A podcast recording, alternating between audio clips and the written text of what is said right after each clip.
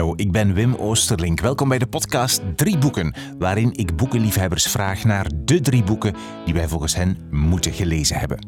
Sien Volders is geboren in 1983. Ze is de auteur van twee romans, Noord en recent Oogst. Maar ze doet regelmatig nog andere jobs naast haar schrijverschap. Dat hoor je meteen in het begin van deze aflevering. Ze is samen met Lieven Scheire. Ze hebben samen drie kinderen en ze wonen in Sint-Amansberg bij Gent. We gingen zitten in de tuin waar af en toe een loodgieter uh, passeerde die in het huis aan het werk was. De tuin die ze trouwens delen met Jonas Schernaert en Julie Mailleu. Jonas Schernaert zat al eerder in een andere aflevering van deze podcast. Sien vertelt over de, de droevige, ongelukkige boekenkast in haar living. Over Astrid Lindgren lezen in Zweden in het Zweeds. Over hoe ze haar derde keuzeboek niet gewoon gelezen heeft, maar hoe ze er naartoe gelezen heeft om het te bewaren tot het einde.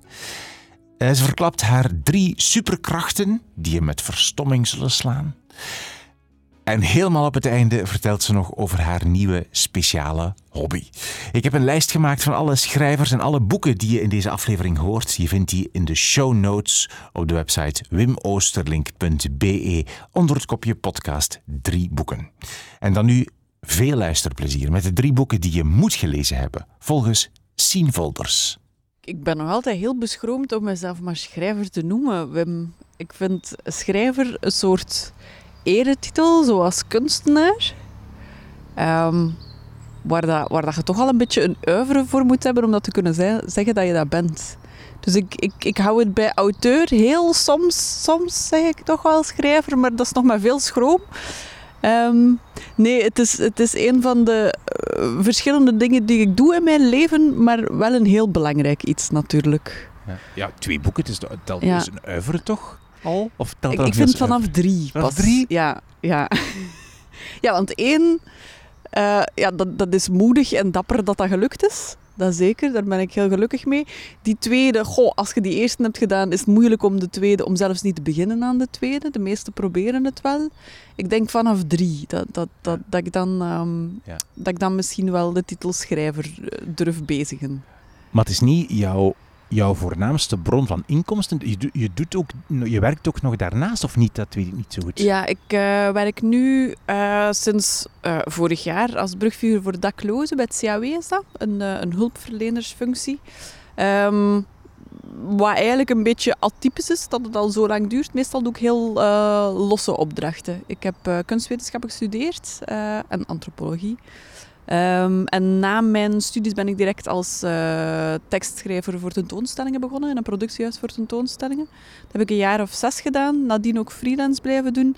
En dan um, ben ik heel verschillende dingen beginnen doen. Door het verbouwen van het huis in het uh, bouwen gerold. In een tijd als bouwvakker bij een aannemer ook freelance gewerkt omdat dat een, een heel mooie job is. Dat was gecombineerd met mijn eerste boek ook. Dat, dat was een, uh, een zeer prettige manier van combineren. Zo overdag hard werken en nadenken, s'avonds een beetje kunnen opschrijven. Uh, ben je dan niet veel te moe om te, nog te kunnen schrijven s'avonds? Um, maar dat is zo die beginfase. Hè. Dat is vooral uh, nadenken en dan s'avonds de schema's neerschrijven. Ja, zo het uitschrijven was toen echt meer op, op weekends dat ik wegging. Ah, ja. ja. Um, dan heb ik interieurvormgeving bijgestudeerd in avondschool en ben ik ook een tijdje bij een interieurarchitect uh, heb ik gewerkt als hulpje. Dat was ook zeer plezierig, uh, gecombineerd eigenlijk. Um, en nu, vorig jaar, ben ik een beetje per ongeluk in, in, uh, in het middenveld gerold. Um, ja, in mijn hoofd hoort het allemaal een beetje samen. Hoor. Het, heeft, het heeft allemaal met, met verhalen en bouwen op een manier wel te... Het bouwen van verhalen. Of dat nu een, een huis is of, of effectief verhalen, of dat dat over tentoonstellingsverhalen gaat of over uh, um, kortverhalen, dat is een beetje... Voor mij hangt dat samen, maar het klinkt wel heel eclectisch, dat snap ik wel. Maar is het dan... Zeg je nu dat je dat, al die verschillende dingen doet of hebt gedaan om daar stof uit te puren voor jouw schrijfwerk? Of is dat niet te ver wat ik zeg? Nee, ik, um, ik, ik heb een hoofd dat nogal hopt qua interesses. Allee, ik vind heel veel dingen heel interessant en dan verdiep ik mij daar een tijd in. En dat is iets waar ik in het verleden met, met Lieven, met Lief vaak geen discussies over gehad heb, maar we hebben, we hebben een totaal verschillend hoofd. Ehm, hij is geïnteresseerd of gebeten door iets en, en gaat daar dan alles over willen weten. En dat is zo bijna een hyperfocus. Zoals bijvoorbeeld heeft een periode echt bijna geobsedeerd geweest door, door wolken. Nog altijd, maar het is al een beetje beter. Wolken, ja, wolkenvormen. Je hebt zo de Cloud Spotters Guide, to, of, of hoe noem het? Ik weet het niet meer precies. Maar dat, daar zit zo dat spelelement in van wolken zie je altijd. En nadien werden dat dan insecten. En zo gaat dat maar verder. Maar die gaat heel doorgedreven door in het verzamelen van kennis over één onderwerp. En bij mij is dat niet zo. Uh, tijdens het verbouwen van het huis heb ik bijvoorbeeld een cursus schrijnwerkerij gedaan hierover dan. Omdat er veel houtwerk aan het huis was. Dat ik dacht van, ah ja, dan kan ik dat maar beter een beetje leren. En zijn reactie was dan, ah, van dan gaat jij meubelmaker worden. Dus van, eh, nee, ik ga ons huis verbouwen en daarvoor moet ik uh, met, hout kunnen werken. Dus dan zien we daarna wel weer verder. En dan hobbel ik voort naar mijn volgende interesseveldje. Maar voor mij is dat wel een netwerk. Ik vind dat dat allemaal een beetje samenhangt. Gelijk nu ook die, die functie als brugfiguur voor daklozen. Dat is ook omdat ik al lang geïnteresseerd ben in alternatieve manieren van huisvesting. Uh, housing first bijvoorbeeld als oplossing voor dakloosheid. Dat is eigenlijk de negatie van het huis, is, het, is, dakloos zijn. Um, en dat is iets dat mij al lang boeit. Vroeger meer op academisch vlak. En dan vorig jaar ben ik daar een beetje stoemelings nog al ingerold, omdat dat een tijdelijke job was. Dat ik dacht van ja, misschien moet ik het gewoon eens doen. Uh, en dat was toen de bedoeling dat dat maar drie maanden was. Maar ja, zie mij hier nu zitten. en hoe lang ga je het nog doen? Um, we zijn nu, eigenlijk zou ik nu eind maart klaar zijn om dan um, na te denken wat mijn volgende project zou zijn. Um, maar maar er, ja, er wordt gevraagd of ik niet toch nog een keer een contract van onbepaalde duur wil tekenen. En ik heb het gevoel dat ik nog niet klaar ben. Dus ik denk dat er terug een, een, korte periode bij komt. Ja. We zijn door het huis gelopen uh, om in de tuin hier te belanden. Uh, en je begon al direct over de boekenkast te vertellen. En ik dacht, wacht, ik wil direct ik wil het opnemen. Dus vertel eens over de boek. Je zei, dat is de centrale boekenkast die in de living stond, hè? Ja, ja, we hebben een, een hele mooie oude boekenkast, een driedeurs, een, een vol eik en geslepen glas, waar ik heel lang naar gezocht heb. Dat was nog in ons vorig huis. Um, dat was een periode waarin dat ik heel vaak in de Via Via, is zo'n soort depot-kringwinkel hier in de buurt, uh, bijna wekelijks binnenliep, omdat dat zo werkt hè, met, met tweedehands dingen. Je moet gewoon heel vaak in die winkels binnenkomen en dan vind je het juiste. En boekenkasten is heel moeilijk om, om de perfecte boekenkast te vinden. En op een van die vele dagen dat ik langskom, zie ik die perfecte boekenkast staan, namelijk de die. En daar hangt verkocht op. Ah. En toen, mijn hart, Wim. Want ik had ze toen gezien, de perfecte boekenkast. Um, ik ben dan uiteindelijk ja, bij die, die, aan die eigenaars gaan praten van ja, aan wie heb je dat verkocht? Ja, wij mogen dat niet zomaar zeggen, natuurlijk. Ze van, goh, ja, maar ja, is het voor een particulier of, of hè, gaat dat verder, verder verkocht worden of niet? En uiteindelijk heb ik dan wel ontfutseld dat het een antiquair was en de welke. Um, ik ben die, ik ben die gaan opzoeken.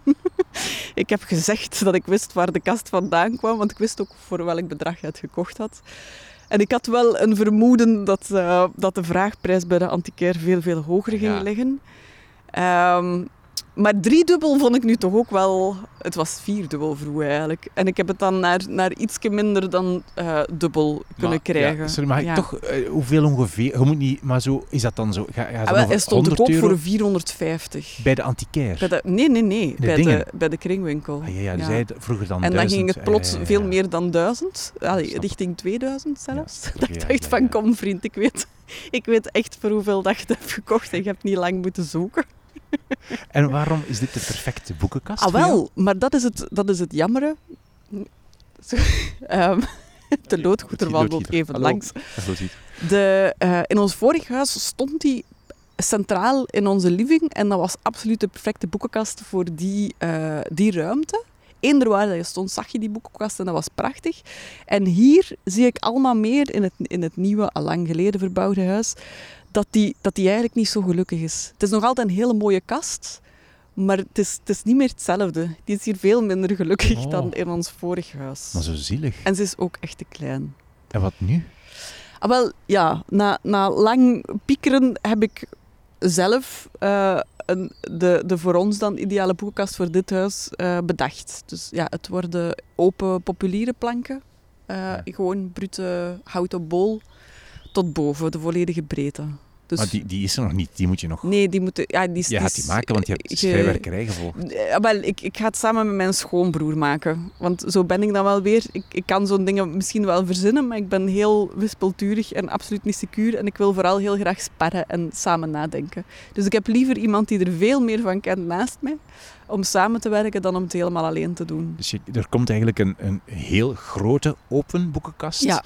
uh, uh, tegen de muur. En wat gebeurt dan met zielige ongelukkige mooie boekenkast? Ah, wel, ik heb dat aan de, de vorige, de, de, de, mensen die ons huis gekocht hebben, die heel verliefd waren op die kast ook, gevraagd hebben of dat wij die mochten, of dat zij die niet... Um, of dat zij die toen niet mochten kopen, maar toen was ik die klaar om afscheid te nemen. En ik denk dat ik misschien zelfs voor een schenking ga. Want het is echt de... de... Althans weten, ze, weten we hoeveel dat ze gekost heeft.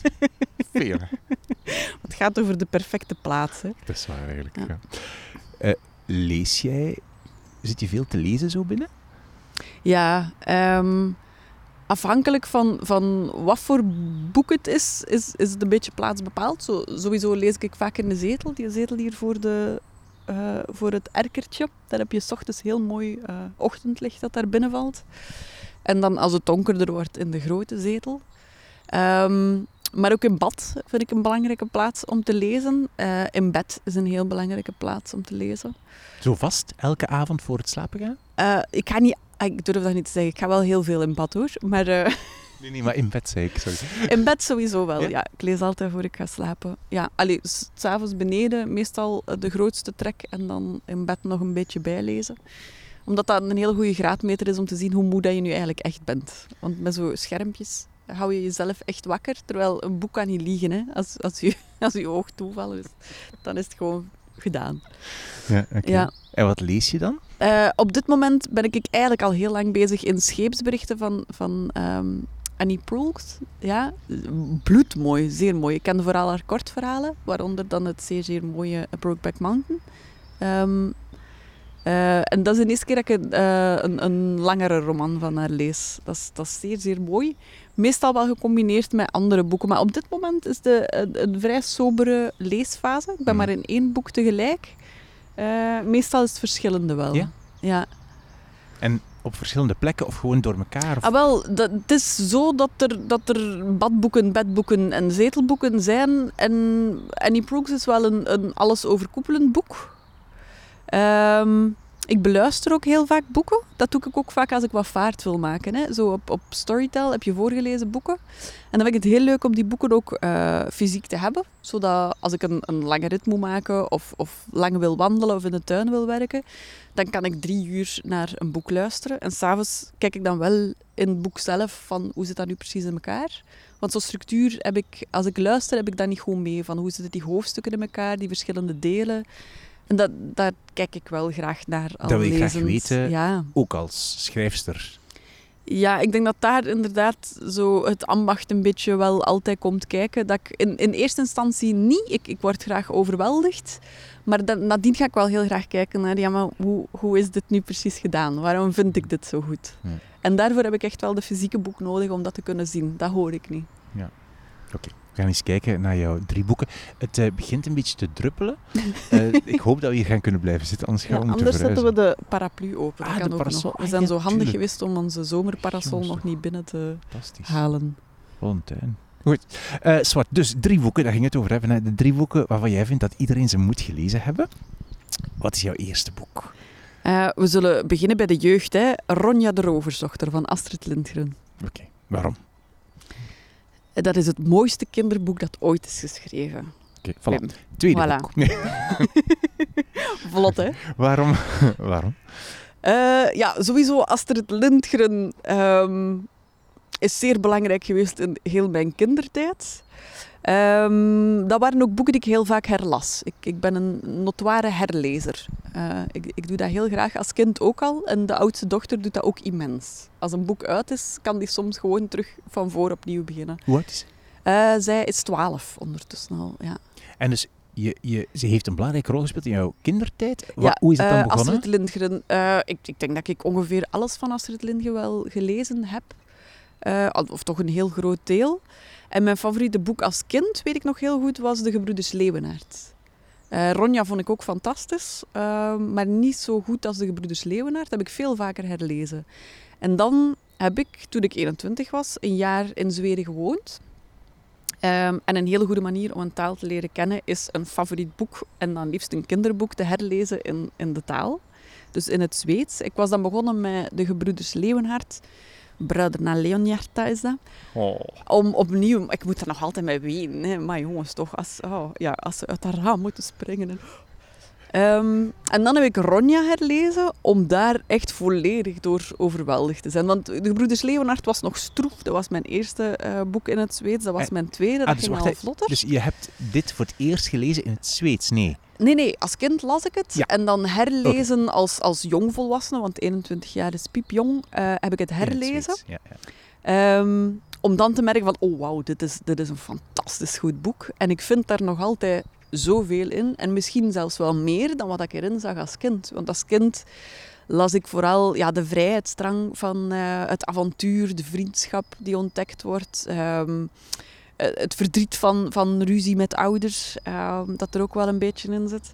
En dan als, als jongvolwassene, 21-jarige, las ik dat en, en lees ik daar plots in van, ja maar nee, dat gaat, dat gaat over vrijheid, dat gaat over over, um, over uw eigen weg vinden, over losbreken, over uw eigen weg vinden, los van, van al wat er van u verwacht wordt of wat, wat, dat eerst uw uitgestippeld pad bleek te zijn.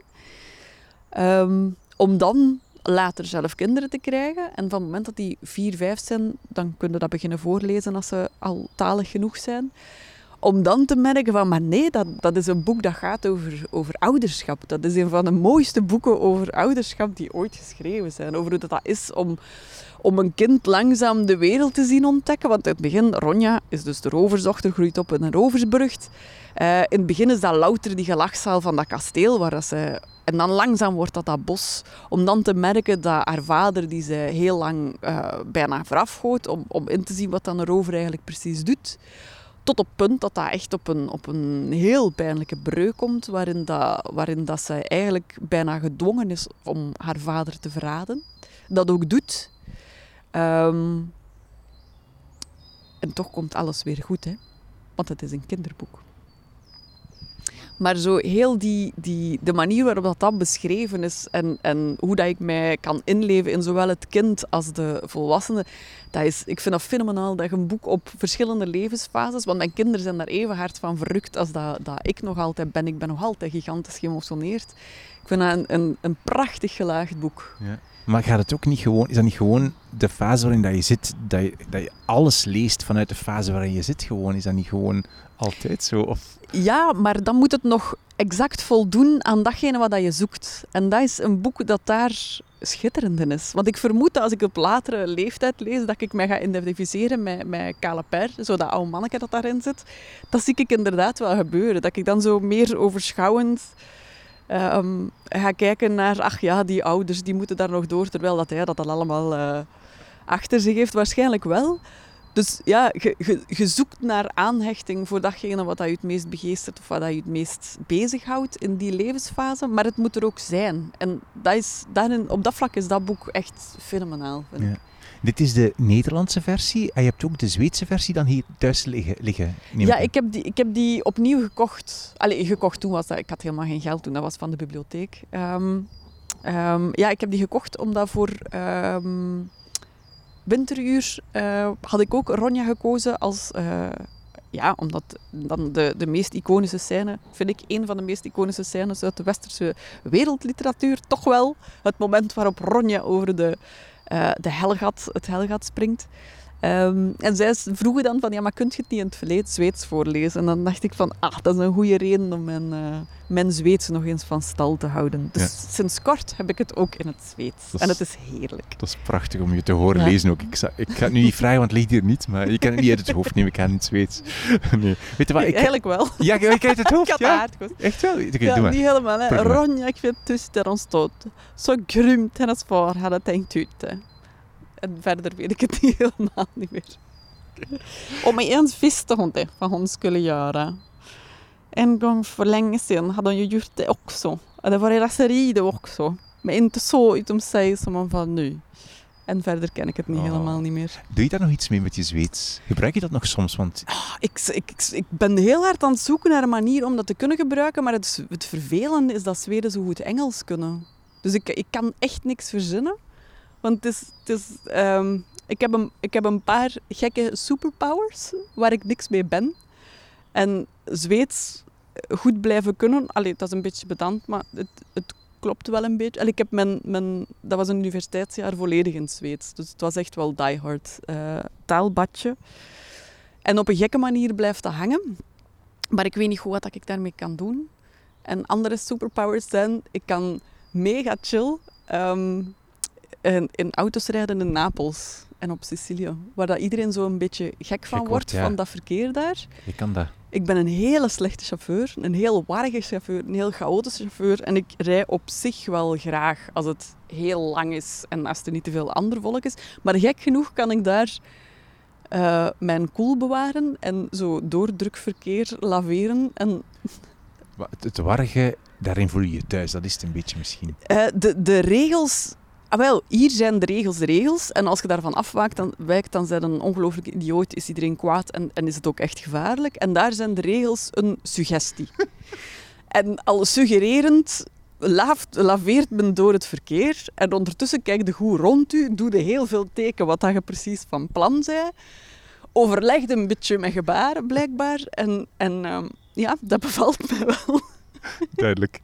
Zeg, uh, maar daar ben ik ook niet zo heel veel mee. Met die, nee, met die wel, ja, in Napels wel, hè, in Sicilië. Ja, dat was tof. Ja. En, en nog één is... Um, een superpower. Um, maar dat is, dat is eigenlijk geen superpower, dat sorry, is dat Dat is zo echt het, het antwoord op de vraag van... Als je een superpower zou... Wat zou je dan jouw superpower zijn? Ja. Maar dus, ik heb dat eigenlijk helemaal niet gevraagd. Maar vertel oh, toch maar. ik ben mijn eigen vragen hier Dat zijn klassieke vragen bij zo interviews. Ja, uh, ja, uh, um, elektriciteit, also van die elektrische deurtjes gaan niet open voor mij. Het, het, het, ligt niet aan gekke straling. Ik beweeg op een verkeerde manier naar het... In, als je in een winkel binnengaat met schuifdeur... Die ik, ik loop daar heel vaak Het oog ziet jou tegen. niet. Uh, ja, het ligt aan de snelheid en de hoek waarop ik op deuren afloop, blijkbaar. Dat vind ik een dubieuze superpower, maar ja, als je wil... Het is niet zo'n uh, handige. Maar ja, ik zeg het, ik ben nog ergens zoekend naar een manier om... Um, blij dat je daar, allee, blij dat je om er iets mee te kunnen doen. zeg, ik heb nog een vraag. Astrid Lindgren, Ronja de Roversdochter. Je hebt als kind Astrid Lindgren gelezen. Hoe ben je beginnen lezen? Waren er thuis veel boeken? Werd je gestimuleerd door iemand? Bibliotheek? Ja, wij, uh, ik kom uit een, een, gezin met een moeder die rabiaat geen tv wou. Um, dus we hebben dat nooit gehad. Dus lezen was ja, standaard avondbesteding sowieso. Uh, mijn ouders hebben veel boeken, besefte ik later. Uh, zij vinden zelf van niet. En zeiden ook altijd dat dat niet zo was. Waardoor dat ik opgegroeid met het idee van wij hebben niet veel boeken. Maar dat is, dat is gewoon niet waar. Um, maar mijn ouders hebben wel een, um, een heel goede boekenkast. Allee, sowieso als kind uh, gingen wij naar de bibliotheek. Hè. Kinderboeken hebben we niet zoveel, omdat dat, dat is een beetje zoals, zoals uh, ja, schoenen. Hè. Zo echte goede schoenen moeten ook maar... Allee, fijn, nee, je moet altijd... Maar die houden die bij. Die, die worden klein en dan gaan die weg. Met kinderboeken is dat een beetje hetzelfde. Dat vind ik nu wel een uitzondering. Ronja, ik heb het zijn toch een deel die ik hier ook wel absoluut wil houden. Um, maar dan al, al ouder wordend is dat zo de, de gouden en de zilveren griffelkast. Dat was zo de, het, het baken in de bibliotheek. Uh, van een soort keurmerk waardoor dat je, waar dat je van op aankomt. Van als je daar een boek uit kiest, is dat, is dat altijd goed. Die hebben vooral... We zijn met vier kinderen. Ik heb twee oudere broers en um, een jongere zus nog. Mijn broer van twee jaar ouder, dus de, de jongste broer en ik, lazen het meest. De oudste en de jongste minder. Dat waren net iets actievere kinderen dan wij, vooral, vermoed ik. Um, en we hebben ons echt wel door die kast geploegd, totdat je zo klaar werd om naar de, naar het middel, naar de, de, de volwassenen schappen over te mogen schakelen. Maar de boekenkast van mijn ouders is dan in het zoeken in die, die schappen van die gigantische... Dat oerwoud van, van boeken waar dat je plots losgelaten wordt zonder die gouden en zilveren griffelkast. Um, dat is wel een soort houvast daarin geweest. Uh, mijn, mijn, moeder is voor de, de Russen en de klassieke Fransen en zo. Mijn vader is, uh, is avontuur, is Jack London, is uh, James Clavels. En, en ik hou van allebei. Um, heel veel. strips waren ook heel belangrijk. Mijn vader is een, een fervent stripliefhebber. Um, en dat is ook, moet ik zeggen, in mijn... mijn um, het literaire groeien van mijn brein is dat een belangrijke factor ook wel. Het had kunnen zijn dat er een strip bijgelegen had bij dit ah, stapeltje van de drie boeken. Ja. Maar hoe, hoe leg je ze uit?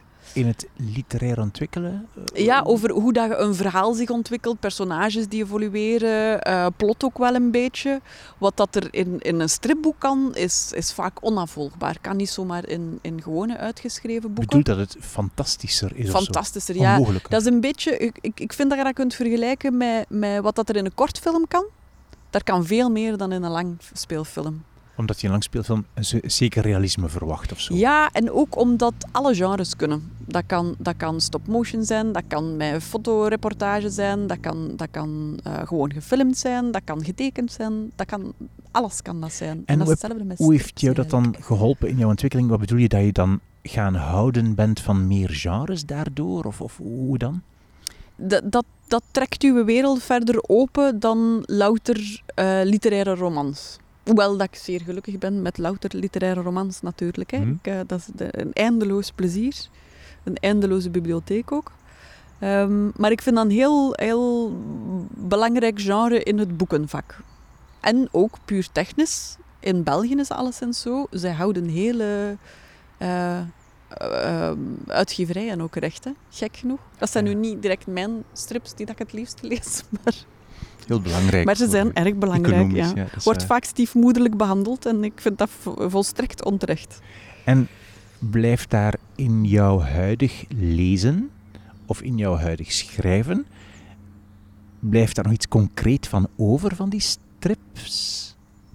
Kan je dat uitleggen? Want trips op dit moment... Allee, er is een idee dat al sinds... Ja, Noord is mijn eerste en dan wat mijn tweede ging worden... Allee, dat is dan Oost geworden. Het andere idee is... is uh, eerder stripgerelateerd, maar ik vind het moeilijk om erover te praten. Um, het, is, het is een... Um, ja, een, een, een beetje een, een young adult dystopie eerder. Uh, lijkt meer op een soort trilogie dat dat gaat worden. Dus dat, ik weet niet of ik het... Allee, ik denk dat ik het wel ga doen, maar niet wanneer. Maar je bent er dus wel... Het zit nog wel ergens in je hoofd en het blijft nog wel een beetje rommelen. Zo, ja. Oké. Goed, jouw eerste boek was Astrid Lindgren, Ronja de Roversdochter. Wat is jouw tweede boek? Uh, we zullen de novelle pakken. Hè. Ik heb hier uh, Sula van Toni Morrison. Amerikaanse schrijfster, Nobelprijswinnares ook. Um, tweede vrouw, besef ik nu ook. Wat, uh, wat goed is voor het gemiddelde waarschijnlijk. Um, is een novelle. Um, ik moet zeggen, als ik mijn favoriete boeken moet kiezen, merk ik dat ik altijd... Allez, zo mijn top drie, daar zit altijd een novelle in. En dat wisselt. Dat zijn, dat zijn wisselposities. Maar, sorry, ik ga nu een domme vraag stellen. Wat bedoel je met een novelle? Een novelle is, een, is een, korte roman. Een korte roman. Een korte roman onder de 120 pagina's. Ik heb echt nooit... Echt, ik kom ik echt heel dom over. Ik heb echt nooit echt goed gesnapt wat het verschil is. Maar natuurlijk is dat gewoon puur dan lengte of zo, ja. Dat is puur lengte. En net zoals strip- en kortverhaal eh, vind ik dat een... Um, ja, op het schijnt dat dat minder gewaardeerd wordt, maar ik snap niet goed hoe. Dus ik geloof dat niet, maar het, het wordt heel vaak gezegd. Mensen die een, een boek inleveren en het zit tegen de 120 pagina's, krijgen blijkbaar soms het advies van, goh, spek het nog wat bij, dat het toch wel een roman wordt. En ik zie niet goed in waarom. Net zoals dat heel veel feature-length films een hele mooie kortfilm waren geweest en een matige feature-length film heb je dat met romans ook heel vaak. In heel veel langere verhalen zit een prachtige novelle. En mijn novelles toekoer, net omdat het zo kort is, zijn dan net de boeken die dat, uh, de perfectie kunnen benaderen. En Sula van Toni Morrison is wat dat voor mij op dit moment um, overkomt als iets dat de perfectie benadert. Wow.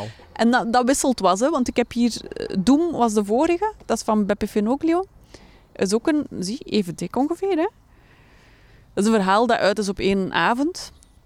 Is een, uh, Beppe Finoglio is, is een Italiaanse schrijver. Dat is uh, jaren uh, interbellum. En dit is jaren zeventig, hè, Sula? Toni Morrison. Ja. Okay. Mm -hmm. um, en waarom, waarom Sula? Sula op dit moment omdat ik vooral de personages. Um, de, de, de, hoofdpersonages zijn twee jonge vrouwen die opgroeien in iets wat Bottom heet, maar eigenlijk op een heuvel ligt. Is een, een, een plaats waar uh, zwarte mensen wonen, zwarte Amerikanen. Um, voormalige slaven wordt gezegd, maar klopt niet helemaal puur technisch, omdat in dat stuk nooit echt slavernij geweest is.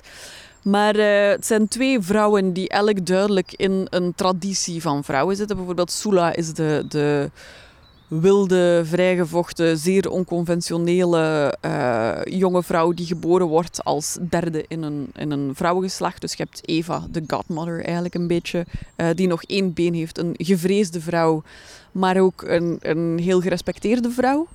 Um, altijd heel populair bij de mannen geweest. Heeft een dochter, Hannah, die algemeen zeer graag gezien wordt. En die wonen allemaal samen met een hoop geadopteerde kinderen, een hoop boarders, dus mensen die huren in een groot huis daar.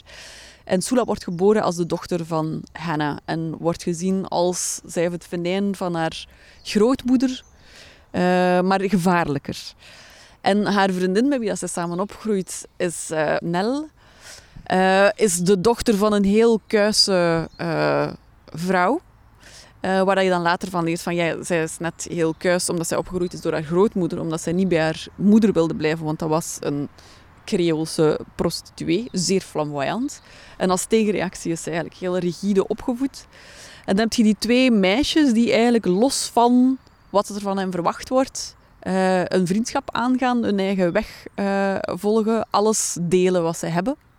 Uh, tot het moment dat Sula zich losbreekt en effectief verdwijnt. Nel blijft trouwt en blijft in het, het allee, volgt het voor haar uitgestippelde pad. Um, maar het is, meer dan dat echt plotgedreven is, is het, is een, is het een fantastische karakterschets van, van heel rijke vrouwelijke personages. Wat, wat bijzonder intrigerend is. Heel mooi, heel atypisch, heel rijk, heel goede dialogen, hoewel er eigenlijk weinig dialogen in zitten prachtig beschreven. En zowel in, in, in stijl, van schrijfstijl, af en toe kan ze zo van perspectief en van toon wisselen, omdat dat, omdat dat verhaal op dat moment dan nodig heeft. Als ook haar opbouw van hoofdstukken hierin is, is absoluut meesterlijk. Hoe zij een hoofdstuk kan opzetten en dat op het einde kan neerleggen waarin alle knoopjes aan elkaar, alles aan elkaar geknoopt worden, dat is fenomenaal. Vooral omdat ik, ja, ik zie dat niet in eerste instantie. Het is pas op het einde van een hoofdstuk dat is van, van oh, dit is... Oh, Dat ik dan ga kijken, van, ja, maar hoe zit dat nu precies in elkaar? En dat begint al met magistrale eerste zinnen, om dan verder te gaan ja, naar, naar een soort... Ja, het zijn eigenlijk korte verhalen in... Um, en ook al een heel kort boek eigenlijk. Maar dat, zijn, dat is dan echt heel technisch, dat je kijkt echt als schrijfster van hoe heeft ze dit gedaan. Echt, hè? Maar ja, in eerste plaats is het wel louter verrukking. En dat is ook de reden waarom dat ik het blijf herlezen. Want dat is een van de boeken... Ja, je ziet het ook een beetje. Hè. Dus, uh, ik, ik, lees mijn boeken kapot. Het, ja, het is echt helemaal zo... Ver, verkreukeld en de, de kaft ja. kromt helemaal zo om. En het is in Engel, de Engelse versie. Ja, ja, ik heb net een Nederlandse uh, vrij recent gevonden die gesigneerd is. Maar ik denk, dat, niet, ik denk dat het niet klopt, want ik heb het opgezocht. Er staat Miriam Athene... Kuiper staat erop. Is niet Athene 14295. En zo de M, ze doet dat effectief wel zo, die Tony, allee, die, die Morrison, maar voor de rest vond ik het er niet op letten. Maar zo, als ik het opensloeg... Ik zou daarmee naar die antiquair gaan van die kast. En ah ja, en dan, dan wel. Ja. Nee. Maar omdat ik eh, heel benieuwd was naar de vertaling. Omdat het jammer genoeg uh, op dit moment niet te verkrijgen is in een Nederlandse vertaling. Wat dat ik een, een... Ja, dat begrijp ik zelfs niet. Waarom in godsnaam? Um. Um, daar straks in het begin zei je, het is een novelle en geen roman. Mm -hmm. um, ja, ik wil daar nog iets van vragen, maar ik weet niet wat ik moet van vragen. In de zin van, uh, zou dat nu minder goed geweest zijn als dat een roman was? Is het nodig dat dit een novelle is, dat het zo kort is? Um, net omdat het die lengte heeft, staat er niks te veel in. En dat is heel eigen aan... aan en dat heb je met romans zelden, komt zeker voor. Uh, maar heb je veel, veel vaker bij, bij novelles. En dat is ook waarom dat ik absoluut lansen wil blijven breken voor uh, novelles. Ook omdat zeker mensen die zeggen dat ze weinig tijd hebben om te lezen, of omdat die een korte aandachtspannen hebben of zo. Een, een, gelijk, ja, deze is mijn, mijn vorige absolute favoriet. Uh, Doom is, is ook, dat is uit op de avond. Je kunt dat herlezen. Ik kan dat twee keer op de avond lezen als het hm. moet. En ik, ja, bij, bij, dat zijn ook wel effectief boeken, net zoals mijn dochter dat doet. Als, als ik een, een boek heel goed vind en het is uit, dan, dan heb ik een gigantische honger naar het volgende boek. Maar als een boek perfect is en dat is uit, dan ben ik zodanig ontredderd dat ik niet weet wat ik moet doen. Want wat, wat in godsnaam nu? En dan is heel vaak het antwoord gewoon terug opnieuw beginnen. En dat doe ik dan effectief wel. Ja. En soms is het echt van voor kaf tot kaft opnieuw. En soms is het zo fragmenten lezen. En dat zijn net die fragmenten die dat ik later ook dan heel vaak... Want ik heb zo, behalve de grote boekenkast, staat daar zo een, een hele lange rij uh, te lezen, actief gelezen boeken en nog te lezen boeken. En daar staan ook heel veel boeken waar dat ik zo stukjes in, herlees. Afhankelijk van datgene wat dan mijn hoofd bezighoudt op dat moment. Hè. Ja, ja. Um, is mijn indruk nu verkeerd, maar lijkt Sula een beetje op uh, Ronja? Zo, um, vrij, vrij, zich vrij vechten, zo? Het, het, thema zit er zeker wel in. Sula en Ronja zou ik op geen enkel manier kunnen vergelijken. Nee, want er zit, er zit zeker een hele eigen gerijde vilijne kant aan. En Ronja is in, in C volledig... Dat is een heel puur... Uh, ah ja, als kinderen zou het wel kunnen, maar, maar het gaat over een volwassene. En, en ja, ja Defoe is een volwassene minder puur dan een kind, uiteraard. Ook, ja, als kinderen... Dat is ook een beetje datgene wat hen samenhoudt en uit elkaar drijft. In hun kindertijd gebeurt er iets wat, wat echt heel erg is. Wat zij zelf doen. En wat ook een smet blijft op de rest van hun leven. En dat is iets dat ik Ronja niet direct zie doen eigenlijk. Maar ik ga niet verklappen wat het is. goed, niet verklappen. Um, jouw, ja, je zei jouw exemplaar van uh, Sula is echt ja, is helemaal zo verkreukeld. Dus schrijf je ook in boeken als je leest? Nee, ik vind dat een doodzonde. Maar Allee, iedereen mag altijd doen wat willen, hè, maar ik vind dat verschrikkelijk. Ja, ook omdat ik, ja, ik, ik, ik haal heel veel in de bibliotheek. Omdat ik, ja, ik heb, het is geen strikte regel, maar meestal zo na 50 is het een beetje gepasseerd. Na 50, wat ben je mee? 1950. Ik lees heel veel oude boeken die ah. je zo uit de depots moet gaan halen. Ehm, dus ik ga vaak naar de bibliotheek. Bibliotheken zijn heel belangrijk voor iedereen, voor mij ook. En als er in een boek iets geschreven staat, dat steekt mij zo tegen. Van, je mocht dat in je eigen boek doen, hè? En als ik een boek lees van iemand die daarin geschreven heeft, dan heb ik daar geen oordeel over. Iedereen doet met zijn eigen boek wat hij wil. Maar ik vind dat verschrikkelijk. Of onderlijnen. Iemand anders die iets onderlijnt, waar dat ik nog met mijn onbevangen blik over moet gaan. En dan gaat daar iemand zo staan wijzen. Daar, daar, daar. Zo vervelend. Nee, vreselijk. Maar, ook je eigen boek doe je dus niet. Je gaat niet die fragmenten waar je zo, die ga je dan niet aanduiden. Of je gaat ook geen briefjes tussen steken? Ik, ik ben, ik, ja, ik denk dat andere mensen daar gek van. Ik ben een, ik ben een bladjesvouwer. Oh nee, dat kan ik niet tegen. Ja, en mijn systeem is rechts van boven is waar dat ik zit. En als het om te onthouden is, dan doe ik het van onder. En dan moet ik eigenlijk nog altijd wel een beetje zoeken. Zo, hè. Dan is de onderste vouw ik dan om. Ja, ja. Ah, je vouwt, ah ja, ja, je vouwt hoekjes om. Ja. Oh, pardon, ja, ja. ja, en dat blijft dan zo. En ja, ik weet dat mensen daar ook... En dat is minder vreselijk dan in je boek? Ik, nee, dat is eh, voor, voor, voor onderstrepers, die, die gaan mij lynchen, denk ik. En mensen die graag ongebroken ruggen zien, die sterven van het moment dat die mijn boekenkast zien, vrees ik ook. Ik, oh ja, ik denk zo, met een derde boek gaan ja, boekliefhebbers zouden huilen mochten ze hem zien. Dat komt direct.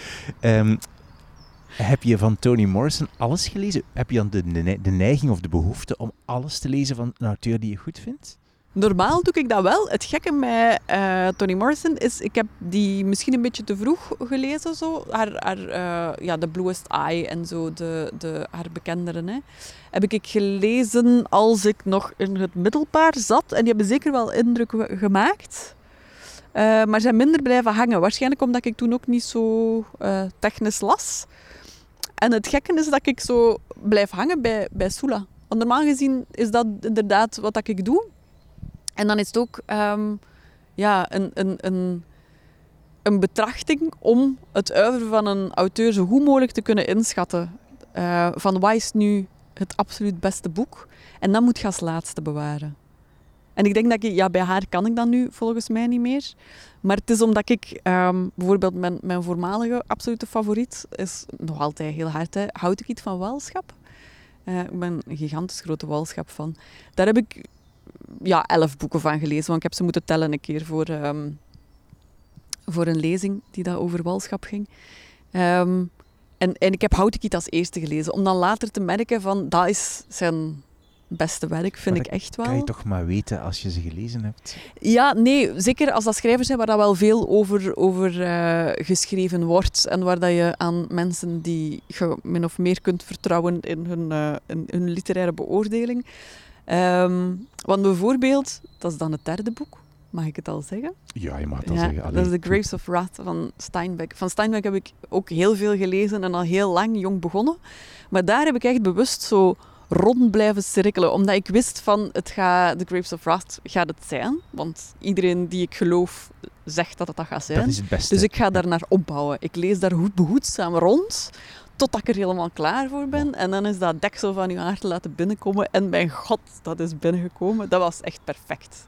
Dat was, dat was de perfecte, ja, zo heel de leestapel van Steinbeck om dan met The Grapes of Wrath, alleen niet te eindigen, want er zijn er nog altijd die ik niet gelezen heb. Dat was, uh, dat was een heerlijke opbouw. En dat klopt. Dus, dus we, zitten, we zitten nu bij jou. Derde, jouw tweede was uh, Sula van Toni Morrison. Ja. Derde boek, dus uh, Druiven der Gramschap. Ja. The Grapes of Wrath van uh, John Steinbeck. Amai, wat een wrak van een boek is dit. is een keer in het water gevallen. ja, dat verklaart veel. maar dus daar rondgelezen. Dus heb je dan jezelf als het ware mentaal voorbereid voor het meesterwerk? Is het zoiets? Ja, ja, ik heb dat een beetje hetzelfde als je naar kunst gaat kijken in een museum bijvoorbeeld. Dan, dan ga ik dat ook opbouwen. Van, van wat gaat als eerst zien en hoe gaat je zalen verdelen. Vooral ook omdat dat, er is maar een beperkte aandachtspannen die ik voor heb. Ik, ik, kan dat twee uur en dan zit mijn hoofd vol. Eigenlijk anderhalf uur is, is eigenlijk al genoeg. En dan moet ik ook buiten omdat dat te veel is. En als ik dan weet dat een bepaald kunstwerk in een, in een, in een museum hangt, dan ga ik daar naar opbouwen. Uh, en natuurlijk werkt dat niet zo, want heel vaak worden dan van je sokken geblazen door totaal ander werk, waardoor dat... dat...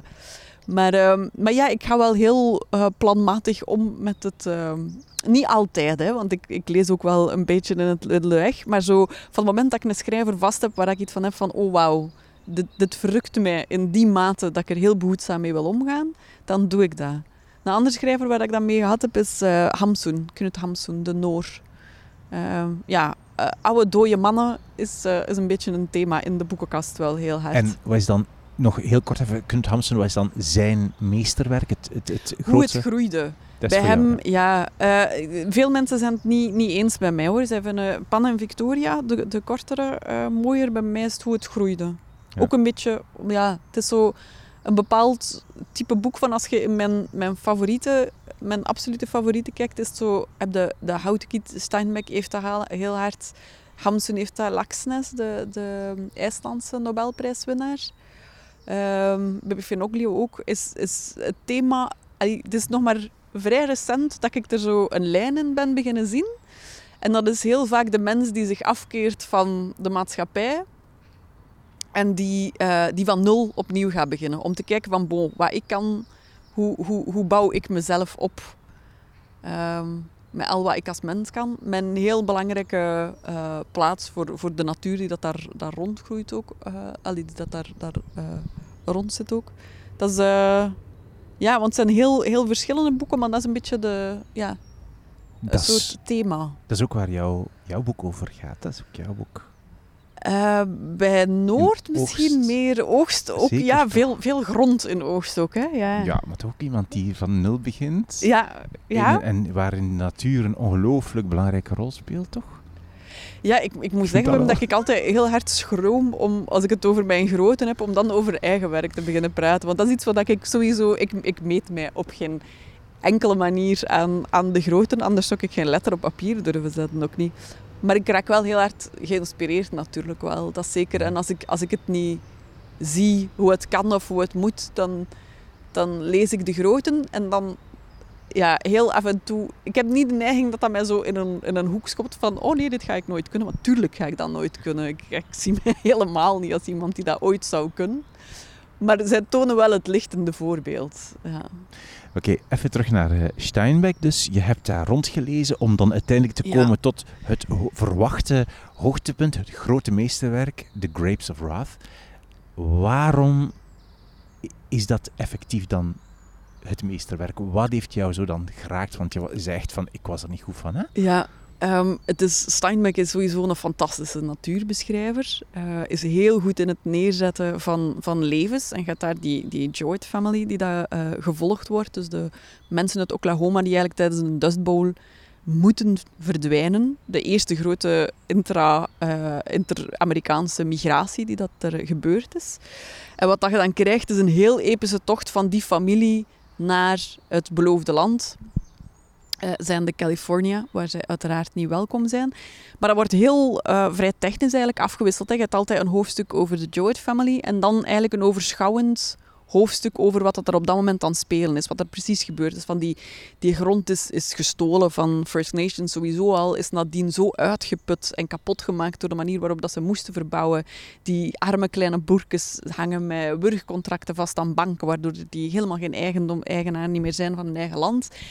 En die, die worden allemaal verder opgekocht door grotere concerns, waardoor dan de mens die geboren is, wiens grootvader geboren is op die grond, plots uit zijn boerderij moet vertrekken. En die dan in de verte zo van die, van die uh, maaidorsers ziet afkomen die zijn, uh, die zijn, zijn geleeg met de grond gelijk maken. En eigenlijk de, de, ja, daar katoen gaan planten, waardoor dat ze dat land nog meer kapot maken.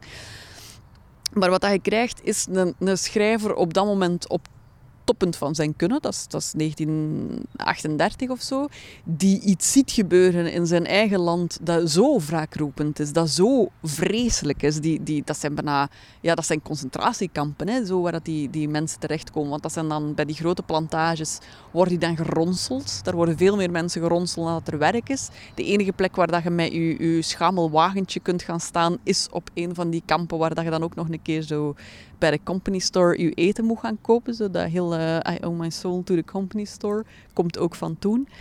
Ehm, dus, dus wat mensen elkaar aandoen in, in het blind winstbejag en de schade dat dat aanricht aan zowel natuur als aan mens, is fenomenaal beschreven. En wat dat, wat dat mij het meeste pakte, was die woede met wat dat geschreven is. Die, dat is met zoveel woede geschreven en zoveel kunde uiteraard. Want gewoon een kwaad boek schrijven, ja, dat, een mindere schrijver zou dat niet mee weg kunnen, hè, zo pompend. Maar dat, dat zijn fenomenale, fenomenale scènes, prachtige hoofdstukken. En die, die woede is nog altijd zo tastbaar en nog altijd zo toepasbaar. Want dat moet ik wel zeggen, ja, met oogst zit ik inderdaad in, in, in een zeer gelijkaardig thema. En dat is de eerste keer dat ik wel af en toe het gevoel had van, ja, maar er is nooit beter geschreven over dat thema dan met The Grapes of Wrath. En het gebeurt nu nog. En we zijn nu 100 jaar verder. heeft het wel zin dan eigenlijk om iets met die woede te doen? Of dat soort uiting voor die woede te, uh, te gebruiken om, om, om ja, of als manier om ermee om te gaan. Want dat merkt ook bij hem, is dat. Dat is, dat is al wat dat hij kon doen. Die kan, die, die, die, dat is geen politieker, maar dat is een schrijver die, die zo goed mogelijk weergeeft wat hij ziet. In de hoop om zoveel mogelijk mensen duidelijk te maken dat dat, wat er precies aan het gebeuren is. Heb je dat voor je eigen werk ook? Dat je zegt van ik heb de drang, ik heb daar een sociale bedoeling mee. Ik heb de, die drang om, om dat aan de wereld te laten weten van kijk het loopt mis. Op zich niet echt, zou ik zeggen. Van, ik, ik zie mezelf niet als in C geëngageerd auteur. Hoewel dat dan natuurlijk niet helemaal klopt. Want van het moment dat ik de kans krijg om columns te krijgen, eh, schrijven, dan, dan merk ik dat ik ook wel de neiging heb om, om dat forum te gebruiken voor mensen die net minder kans op een stem hebben. Ehm, en zeker nu met het thema in mijn laatste boek Oogst over intra-Europese arbeidsmigratie en, en um, eigenlijk de mistoestanden in, in onze voedselproductie, toekoer, zowel voor landbouwers als voor mensen die werken in de landbouw. Uh, merk ik wel dat dat, dat echt voortkwam vanuit een, een, ja, een verontwaardiging die bleef hangen, een, een, een gechoqueerd zijn door hoe, hoe hardnekkig dat het is, hoe vuil en smerig het is, hoe dichtbij het is en hoe in C eigen aan, aan de mensheid blijkbaar toch wel. Um, dat ik merk van dat, dat ja, ik ik had niet echt iets anders dat ik ermee kon doen. Want ik ben, ik ben geen journalist, dus ik kan er geen, uh, geen, journalistiek stuk over maken. Um, de bron van het boek was ook een, uh, een heel goed journalistiek stuk. En dat heeft op heel kleine schaal een beetje veranderd, maar in de long run niks. Ehm, als straathoekwerker, ja, op dat moment was ik dat niet, kon ik geen verschil maken. Uh, en dan dacht ik, ja, al wat ik kan doen is een zo goed mogelijk verhaal proberen te schrijven om, om, om daar recht aan te doen. Um, en, maar in, in de eerste opzicht blijft nog altijd een zo goed mogelijk verhaal schrijven, een zo goed mogelijk boek. Mm -hmm. uh, en maar toen wel deugd om te merken dat in, in recensies dat heel vaak terugkomt. De eindzin is bijna altijd dat ze anders naar de tomaten in hun karretje kijken. Um, wat, wat, wat, grappig is.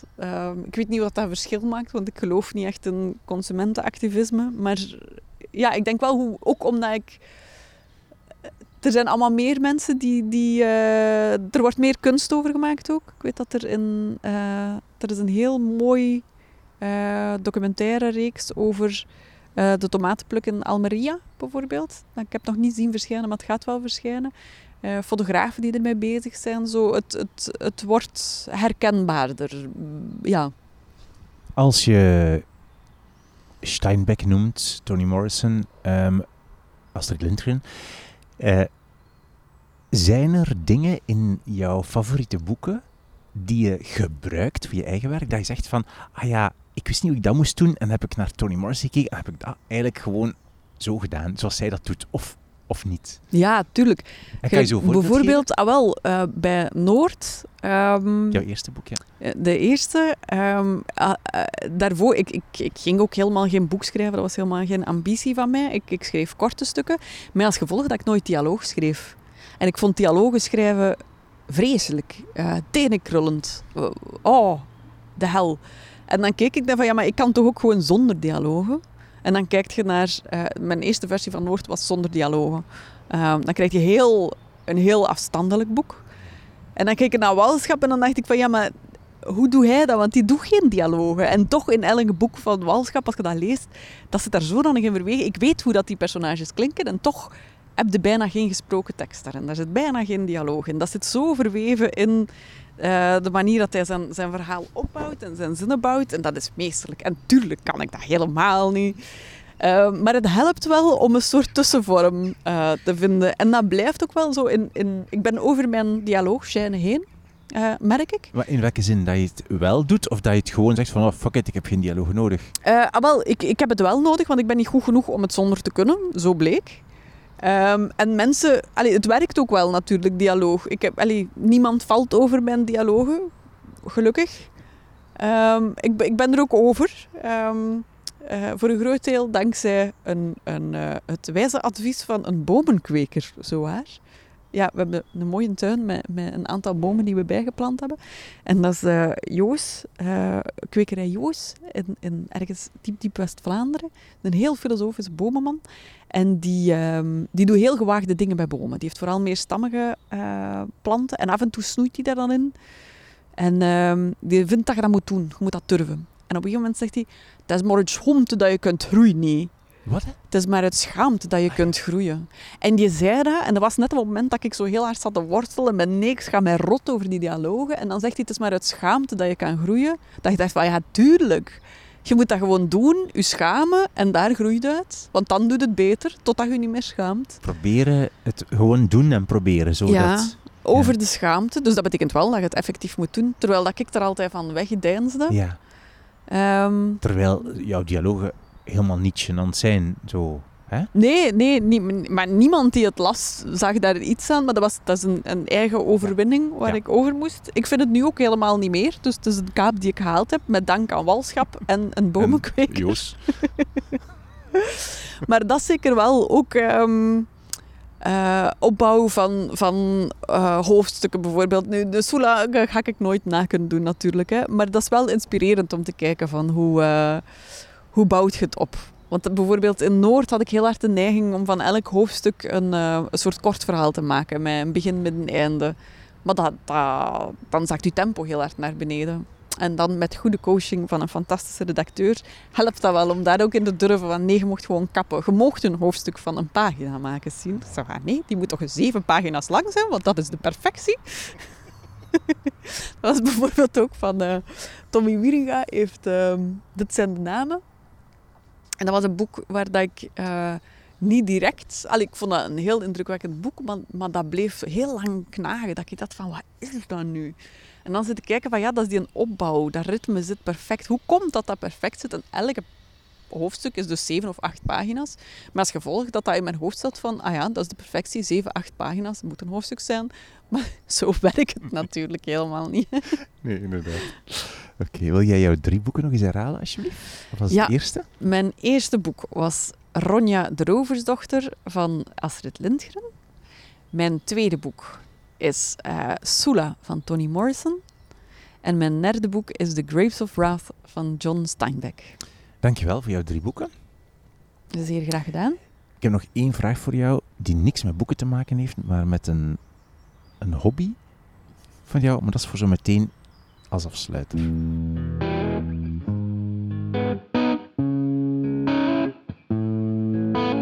Volledige lijst met boeken en auteurs die je hoorde in deze aflevering, samen met een foto van de ongelukkige boekenkast in het huis van Sienvolders, vind je op de website wimoosterlink.be onder het kopje podcast drie boeken. Bedankt om te luisteren naar deze aflevering, dit boekenprogramma. Andere afleveringen vind je op dezelfde plek, wimoosterlink.be. Laat vandaag of morgen aan twee vriendinnen of vrienden, boekenliefhebbers ook eens weten dat ze ook naar deze podcast moeten luisteren. Toon misschien hoe ze dat moeten doen. Stuur een link door naar drie boeken in letters geschreven. Je kan ook een recensie achterlaten bij Apple Podcasts en je kan drie boeken ook volgen op Instagram. Drie underscore boeken op Instagram, daar vind je het. Ik ben Wim Oosterlink. Dit is de podcast Drie Boeken. Dankjewel voor het luisteren. Tot de volgende keer. En hier nog mijn laatste vraag aan Sienvolders. Dus ja, we zitten hier nog altijd, hè? En als afsluiter heb ik nog één vraag. Het heeft dus niks met boeken te maken, maar ik ga ze toch stellen, omdat nu eenmaal voor de hand ligt om ze te stellen. Vertel eens over jouw nieuwe hobby, Sien. Heb ik een nieuwe hobby? Ja, je hebt hem zitten uitpakken op, op Instagram gisteren, eergisteren. Twitter. wat heb ik gedaan? Het je nieuwe hobby niet? Het je eigen nieuwe hobby niet? Nee. Vertel het mij, Wim. Moet ik het nu echt ik zelf zeggen? Ik ben gaan wandelen? Ja. Ah ja, piemels wandelen.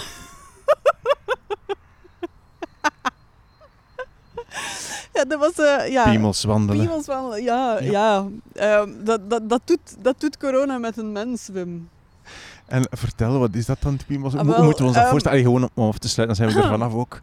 Normaal gezien in de krokusvakantie gaan we altijd met fantastische vriendenbenden op vakantie. En dat gaat er altijd zeer speels aan toe. Uh, en tot ons groot ongenoegen kon dat nu niet gaan. Uh, dat is een heerlijke bende nog uit onze jeugdwerktijd, zowel van Lieven als mij. Met kinderen die zeer compatibel zijn. En dat ging dus niet. Dus hadden wij een online programma gemaakt, waarin dat iedereen... Uh, deelneemt, maar dan op afstand. En uh, een van de onderdelen was uh, Pictionary wandelen, was het eigenlijk. Van, iedereen maakt een wandeling en de andere moet raden wat het is. Maar wat had je dan gedacht? Dat wordt natuurlijk piemel wandelen. En het grappige is dat als je, als je dat weet dat dat plan is of dat je dat wilt doen, van, je kunt niet meer normaal naar een, naar een plan kijken. Je ziet overal piemels of kansen op piemels of mislukte piemels. Dus ja, heel fijn dat alle lezers, uh, alle luisteraars vanaf nu uh, ja, ook bij het aanschouwen van de volgende stadskaart gaan ze zeker één mooie, mooie piemel vinden. En die ook willen wandelen.